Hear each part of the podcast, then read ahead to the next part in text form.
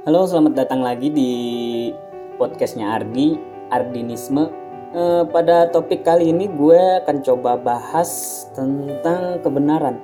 Eh, jujur aja, kebenaran itu masalah. Kenapa jadi menurut gue itu masalah? Karena eh, orang-orang pada pada nyalahin orang karena dirinya merasa paling benar gitu. Bahkan ada sampai yang berani ngebunuh orang. Buktinya aja para teroris atau uh, mungkin sebut aja para para polisi yang berani ngebunuh orang gitu, ngebunuh penjahat karena dirinya merasa yang paling benar gitu. Itu itu masalah banget gitu menurut gue. Jadi pada episode kali ini gue gue gue pingin pingin jelasin apa sih yang jadi dasarnya podcast Ardi ini untuk berpikir gitu, untuk menentukan bahwa ini benar ini salah. Sebenarnya gue gue nggak nggak nyebutin bahwa gue yang 100% benar gitu. Tapi gue punya landasan gini loh cara berpikir gue untuk menemukan kebenaran gitu. Gue gue punya punya rumusan bagaimana sih cara cara otak kita berpikir itu untuk menemukan kesesuaian. Jadi gue pernah nulis di salah satu artikel di kureta.com gue salah satu penulis juga di situ.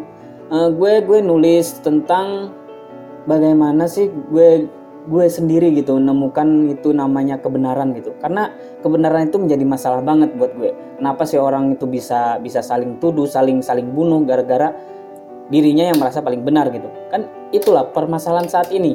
E, jadi menurut gue gue harus harus coba dulu dari dari base awal bagaimana cara gue berpikir agar bisa mencerna semua informasi yang akan gue bahas nantinya gitu. Agar juga kalian bisa bisa bisa bandingin oh ini loh caranya Ardi berpikir itu seperti ini. Ah mungkin aja pendapat Ardi seperti itu karena cara berpikirnya seperti ini gitu. Gitu maksud gue untuk menjelaskannya pada episode kali ini. Uh, gue gue punya punya rumusan gitu untuk untuk kebenaran yaitu kebenaran itu sebenarnya tidak mutlak. Kebenaran itu selalu bisa berubah gitu. Jadi gue pernah berpikir bagaimana sih konsepnya yang ada di kepala gue itu bagaimana sih orang-orang itu bisa bisa nganggap itu benar gitu. Jadi gue gue coba berpikir bagaimana caranya apa yang gue anggap benar itu bisa di, dianggap oleh orang lain benar juga gitu. Ya awalnya bingung gitu bagaimana sih mengungkapkannya atau merunut agar semuanya bisa bisa menerima gitu. Kalau dalam dalam akademis itu kita bisa bikin rumusan masalah. Lalu kita bisa bisa bahas di pembahasan kan. Ini loh pembahasannya. Lalu kita bisa masukkan referensi-referensi apa yang sesuai gitu terhadap masalah tersebut. Jadi melahirkan itu sebuah suatu teori baru gitu jadi di sini gue gue coba ambil dulu rumusan masalahnya. Ini otak orang kan nggak nggak semuanya sama gitu. Nggak nggak semuanya memiliki pengetahuan yang sama gitu. Jadi gue gue coba coba coba ambil salah satu permasalahan yang singkat aja yang yang sederhana. Gue gue dulu waktu kecil itu me mengkonfirmasi apa yang gue dapat itu benar itu karena sesuai gitu. Jadi rumusnya kayak gini gue gue, dapat informasi dari ayah gue misalkan tentang gajah. Gajah adalah hewan yang besar gitu kan kata ayah gue kan. Lalu gue dapat lagi informasi dari orang lain bahwa ini loh namanya gajah.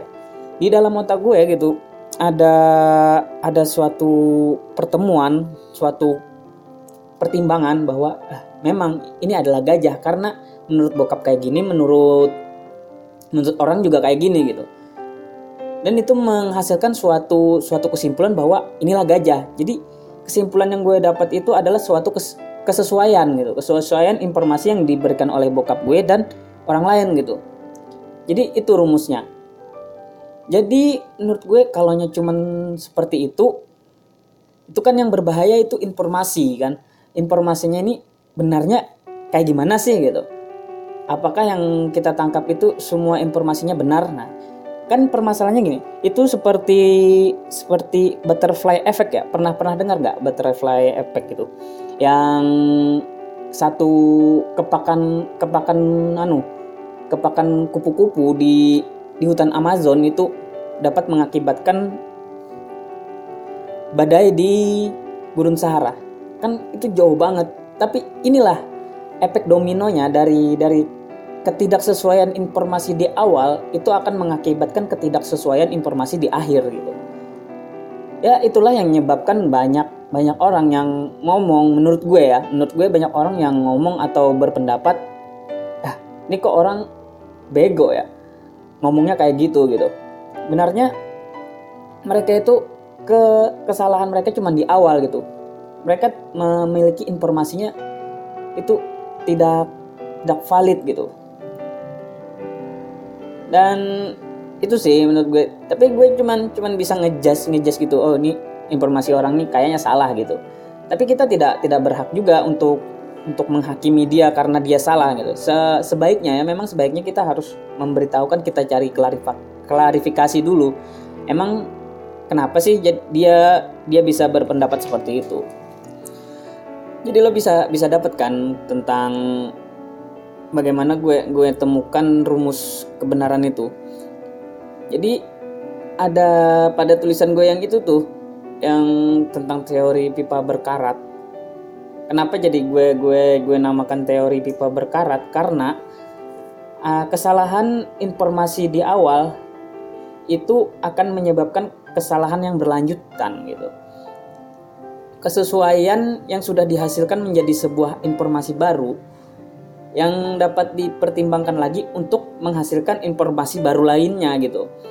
Jadi kalau kesesuaian yang di awal itu sudah sudah salah, artinya itu bukan suatu kesesuaian, artinya itu di akhir di yang dihasilkan itu ketidaksesuaian diolah menjadi informasi baru. Informasi yang baru itu informasi yang tidak sesuai gitu. Itu sih jadi gue gue gue nulis rumusnya kayak gini gue nulis rumusnya itu informasi di dipertimbangkan dengan informasi lainnya jika informasi yang pertama itu sesuai dengan informasi lainnya, maka itu adalah menghasilkan sebuah informasi yang sesuai gitu. Kalau informasi yang awal dengan informasi yang lainnya itu tidak sesuai, maka itu akan menghasilkan ketidaksesuaian informasi gitu. Ketidaksesuaian dan kesesuaian informasi itu itu bisa menjadikan suatu informasi baru gitu. Informasi baru yang yang dibandingkan dengan informasi lainnya itu akan menghasilkan suatu informasi baru lagi terus saja berputar seperti itu. Jadi kelihatan kan efek dominonya jika informasi yang di awal adalah informasi yang tidak sesuai, maka hasilnya akan tidak sesuai terus. Meskipun disandingkan dengan informasi yang sesuai gitu, hasilnya akan menjadi tidak sesuai terus. Ya, itulah dampaknya kalau kalau kita kita mendapatkan informasi yang tidak sesuai. Lalu bagaimana caranya agar kita mendapatkan informasi yang sesuai. Itu tergantung pengalaman dan kemampuan kita untuk mencari informasi tersebut aja. Mungkin itu aja yang bisa gue gue sampaikan pada episode kali ini. Kalau kalian ingin ingin berikan masukan atau komentar beri komentar terhadap podcast ini bisa bisa kirim DM langsung di Instagram gue yang bernama @ardinisme. Mungkin kita bisa diskusi di situ atau kalian bisa bisa record situ kirim kirim nanti gue kasih alamat emailnya nanti kalau kalian emang berminat gitu kalian bisa record jadi kita bisa bisa compare gitu di podcast ini tentang pembahasan apa sih masalahnya. Nanti gue gue bisa edit buat masukin ke podcast episode selanjutnya mungkin. Oke itu aja dari dari gue Ardi. Uh, semoga aja podcast ini membantu ya. Me, gue cuman ingin mengeluarkan unek-unek gitu tentang tentang kebenaran gitu. Dan ini bisa menjadi bahan acuan gitu. Bagaimana sih Ardi itu berpikir gitu? Ya oke cukup sekian aja. Salam dari Ardi selamat datang ke, ke bertemu lagi di podcast selanjutnya. Oke